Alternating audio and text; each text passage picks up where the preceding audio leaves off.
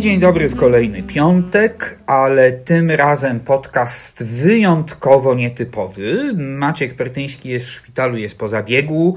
Czuje się dobrze, prosił, żeby wszystkim podziękować za liczne życzenia szybkiego powrotu do zdrowia i jest w dobrej formie i w przyszłym tygodniu prawdopodobnie już znowu z nami będzie. Natomiast dzisiaj wyjątkowo jesteśmy we trzech, bo jesteśmy w gronie współzałożycieli naszego serwisu i są ze mną Paweł Bielak Tak, dzień dobry. i Robert Czarnecki. Dzień dobry wszystkim. No, kochani, y, jesteście związani ze sportem tak bardzo, jak tylko można być związanym. Mm, Co prawda, ty, Paweł, już y, nie do końca. Tak, tak, no ja już zakończyłem swoje jeżdżenie. No, nigdy nie mów nigdy. Aczkolwiek no, nie ukrywam, że gdyby znalazła się okazja wystartowania gdzieś, to jeszcze w jakimś rajdzie dla emerytów bym wziął udział. Rajd żubrów? No może nie. Nie aż tak. Y, Robert, a ty mm, coś też ostatnio w zeszłym roku? Nic.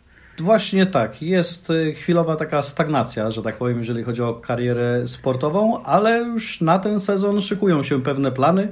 Jeszcze nie będę ich zdradzał, ale no, myślę, że coś na pewno uda się pojeździć. Dobrze, ale dzisiaj bardziej niż jako zawodnik interesujesz mnie jako instruktor doskonalenia techniki jazdy i Twoje doświadczenie sportowe, Paweł, też tutaj się przyda, ponieważ chciałbym, żebyśmy porozmawiali o tym, mm, co praktycznie każdego kierowcę może dotknąć, choć nie powinno, czyli nowym taryfikatorze mandatów.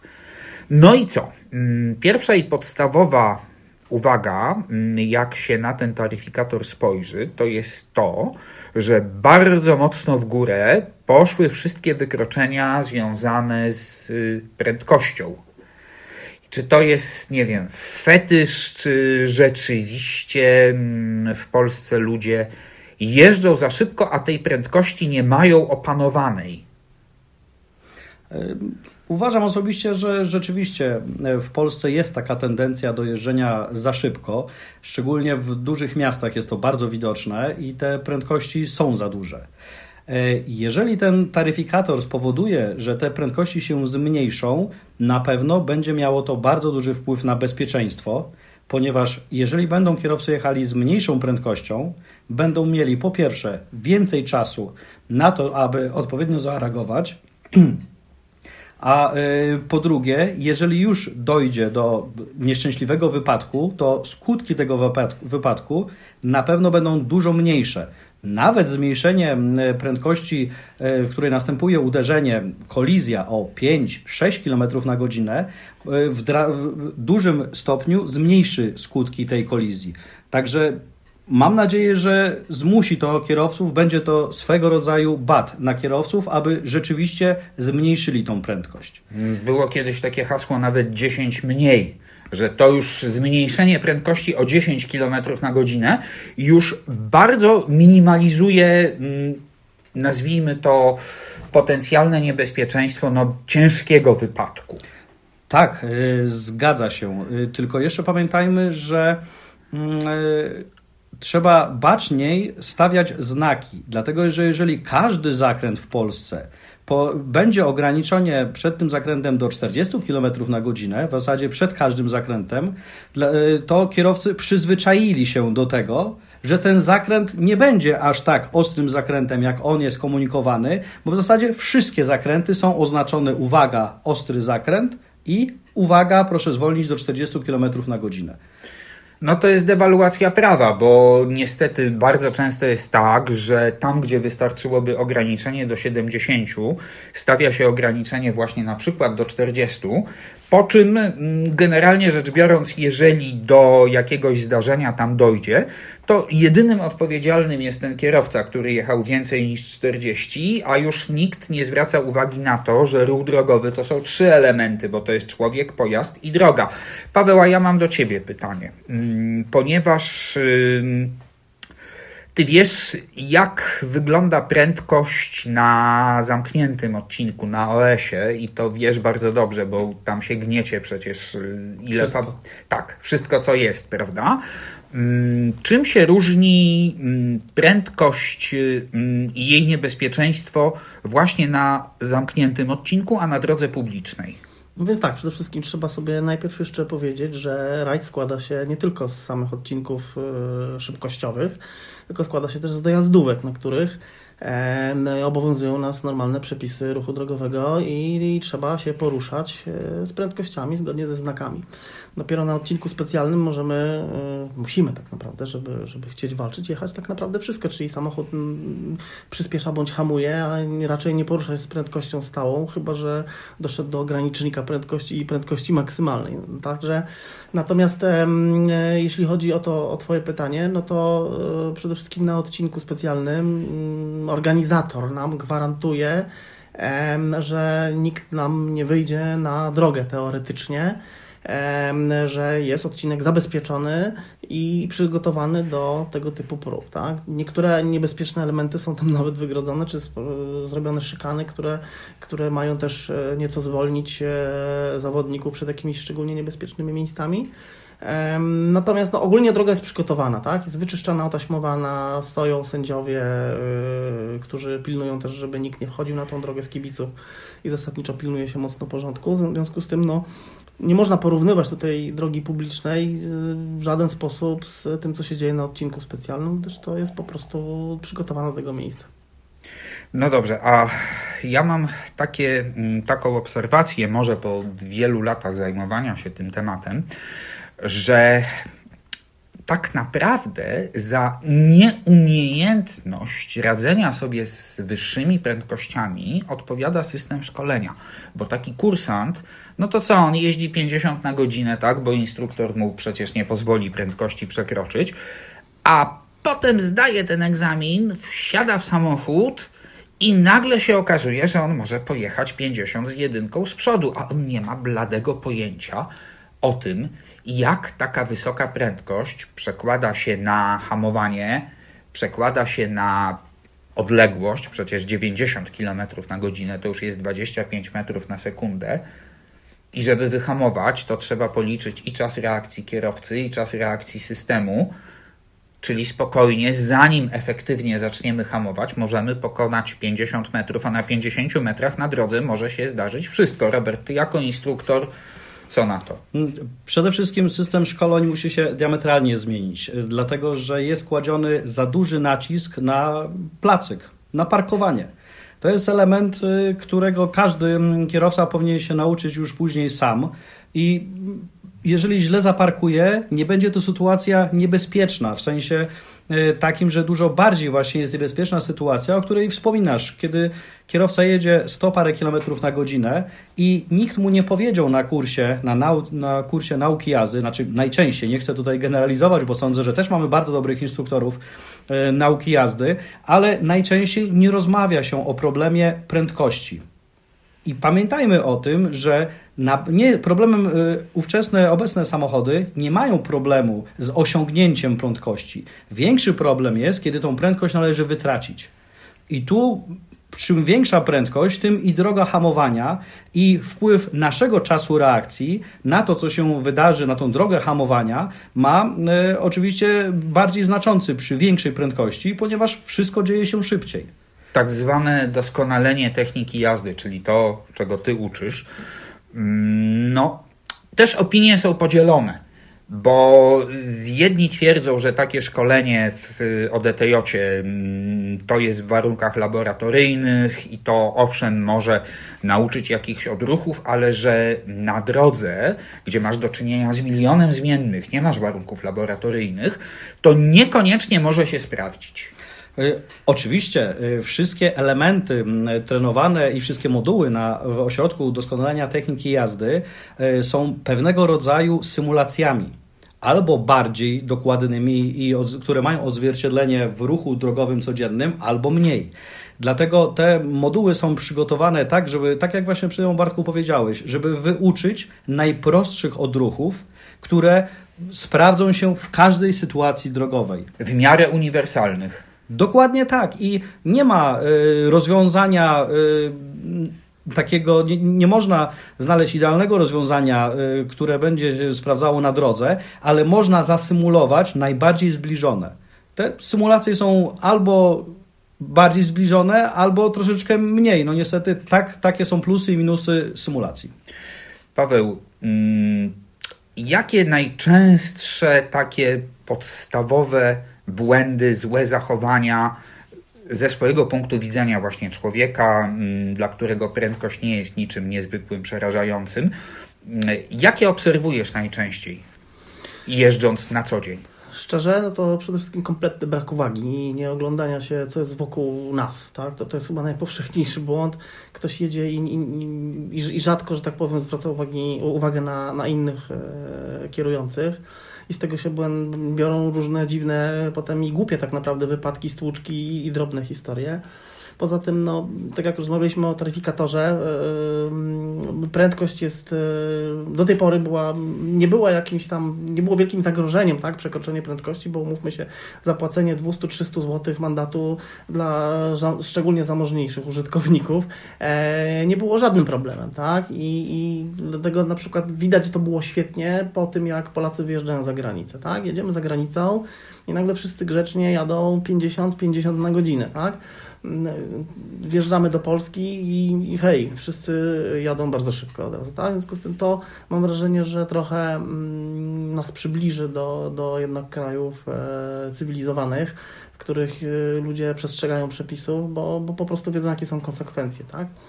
E, natomiast no tak jakby brak uwagi i brak zwracania na to, co się dzieje wokół, to jest chyba najczęstsza e, jakaś taka rzecz, którą obserwuję podczas jazdy ja takiej zwykłej. Jadę. Co, ja, ja jadę. jadę. tak, dokładnie. Ja jadę.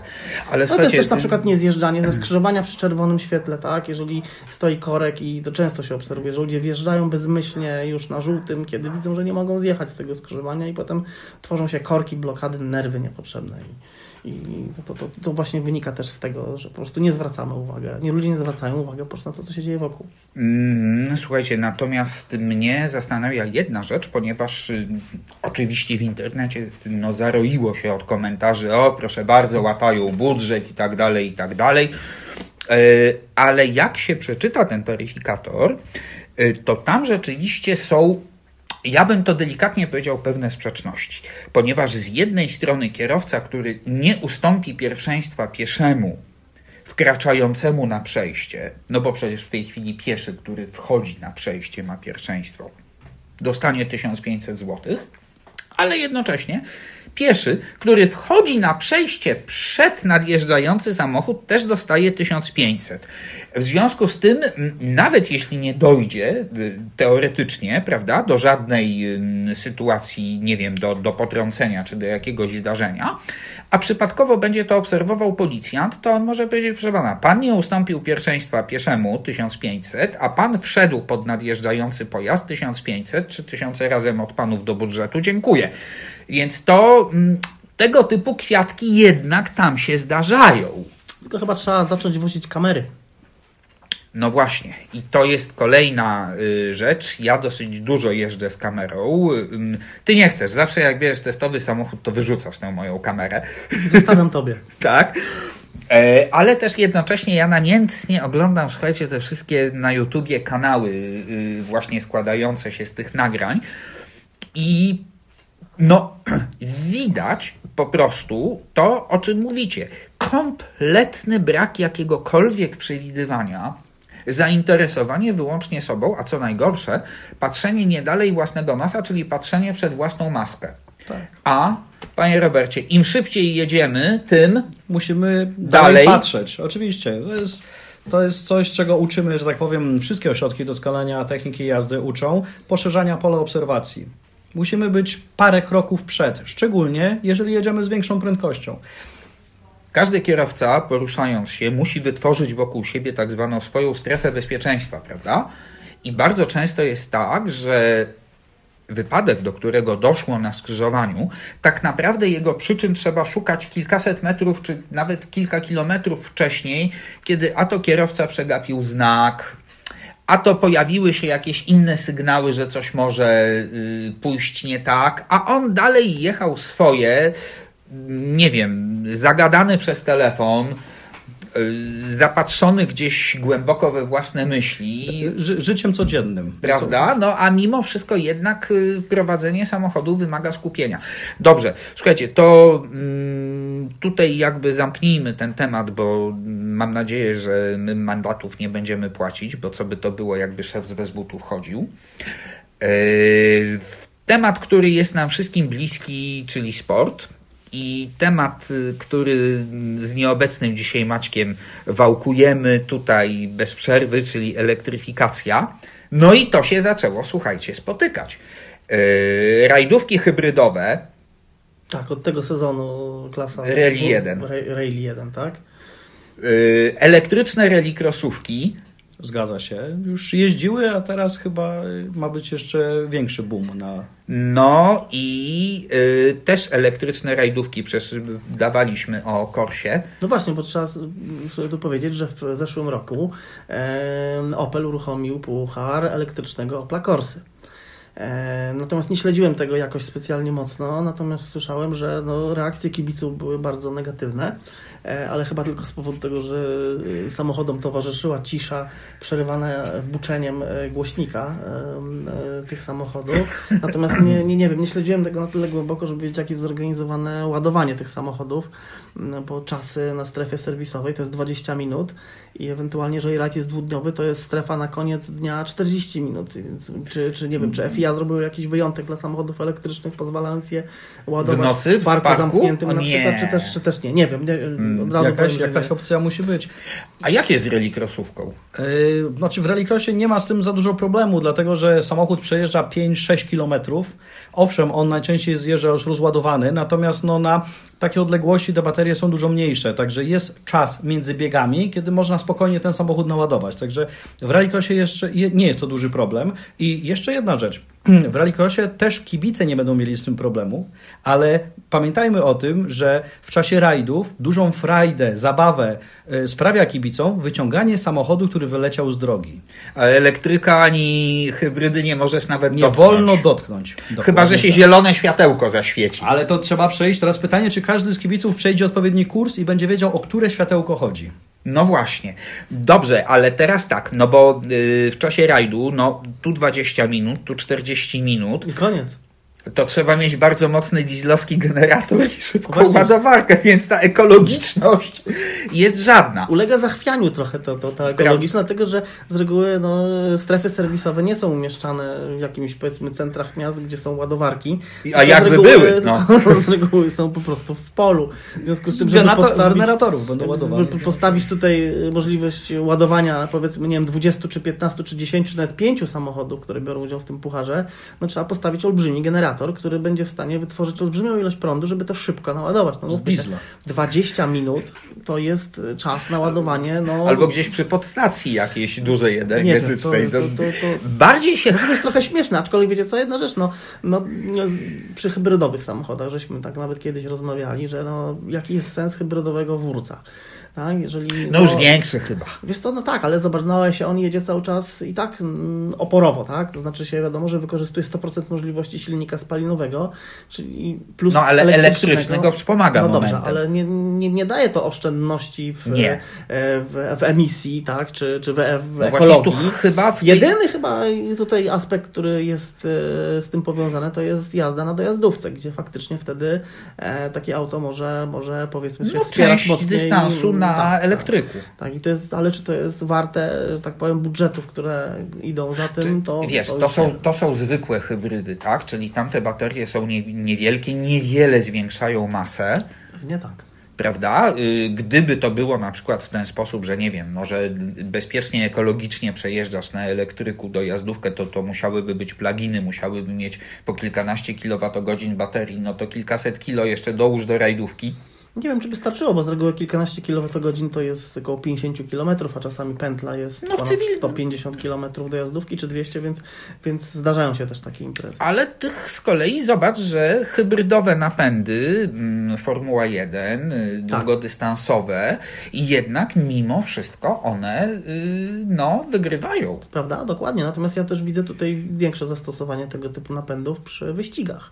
Dlatego, że wyścigi są dosyć ograniczone. E, Nie ma dojazdówek, tak? Mamy tylko i wyłącznie tor, na którym się ścigamy przez określony dystans. I na przykład takie wyścigi puchar samochodów elektrycznych może, może być jakąś tam przyszłością. To już widzimy chociażby w Formule E, tak? No jest coś takiego, Robert, a rallycrossówka hybrydowa, no chciałbyś mieć pewnie trochę tego dodatkowego momentu przy wyjściu z...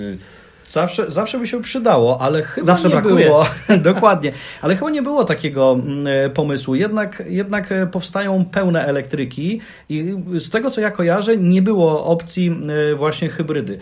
Zastanawiałem się jeszcze, tutaj Paweł po, pomoże mi się zastanowić nad jedną rzeczą.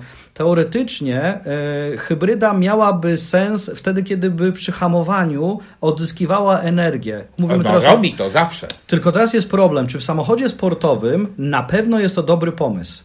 Dlatego, że to nie kierowca będzie miał wpływ na to, jaka siła hamowania e, jest No e, nie, nadawana jest, na koła. jest przecież wybór No nie, poczekajcie, rekuperacji, siły W rekuperacji. Formule 1 przecież to działa od Działa, paru lat. prawda? Prawda? Czyli e, auto, które hamuje, no jednocześnie odzyskuje energię, którą potem wykorzystuje e, przy przyspieszaniu. tak? Czyli, czyli nie, nie, nie przeszkadza to aż tak bardzo, jak No mi w pewnym i- momencie się, w pierwszym e, rzucie się mi Tak mi wydawało. się wydawało, że może to przeszkadzać, ale chyba to jakoś sobie z tym poradzono. Takie mam wrażenie, bo w F1 wygląda to naturalnie bardzo, tak? Samochody hamują z pełną siłą na jakichś mega krótkich dystansach. E, te opóźnienia są A więc i rekuperacja jest duża I wtedy. więc dokładnie ta rekuper- rekuperacja musi być też przepotężna, żeby naładować tą baterię na jednak krótszych.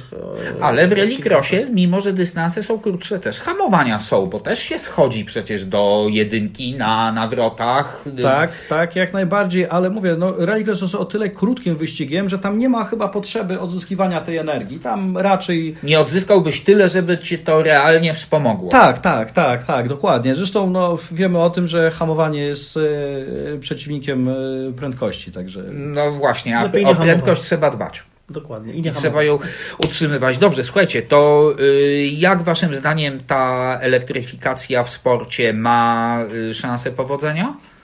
Znaczy wydaje mi się, że to jest niestety taka przyszłość. No teraz wszystkie samochody, wszyscy producenci ogłaszają, że od 2030 czy 35 roku zaprzestają w ogóle produkcji samochodów spalinowych, więc no niestety jeżeli będziemy chcieli się bawić w motorsport, to niestety zostaniemy pozbawieni wyboru i, i to jest trochę smutne, bo jednak silnik spalinowy ma swoje duże atuty, szczególnie w motorsporcie.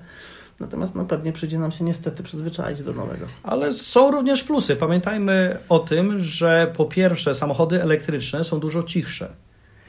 I y, pamiętajmy o tym, że jednak i rajdy, jakiekolwiek zawody sportu samochodowego są uciążliwe dla y, sąsiadów. wokół. Dokładnie. Dlatego ja uważam, że mm, y, samochody elektryczne są przyszłością organizowania zawodów w centrum miast- miasta. Ale ty byś na przykład wystartował y, taką elektryczną Myślę, w zawodach? myślę, myślę, że tak. Nie, nie, nie chcę tutaj walczyć z postępem, że tak powiem.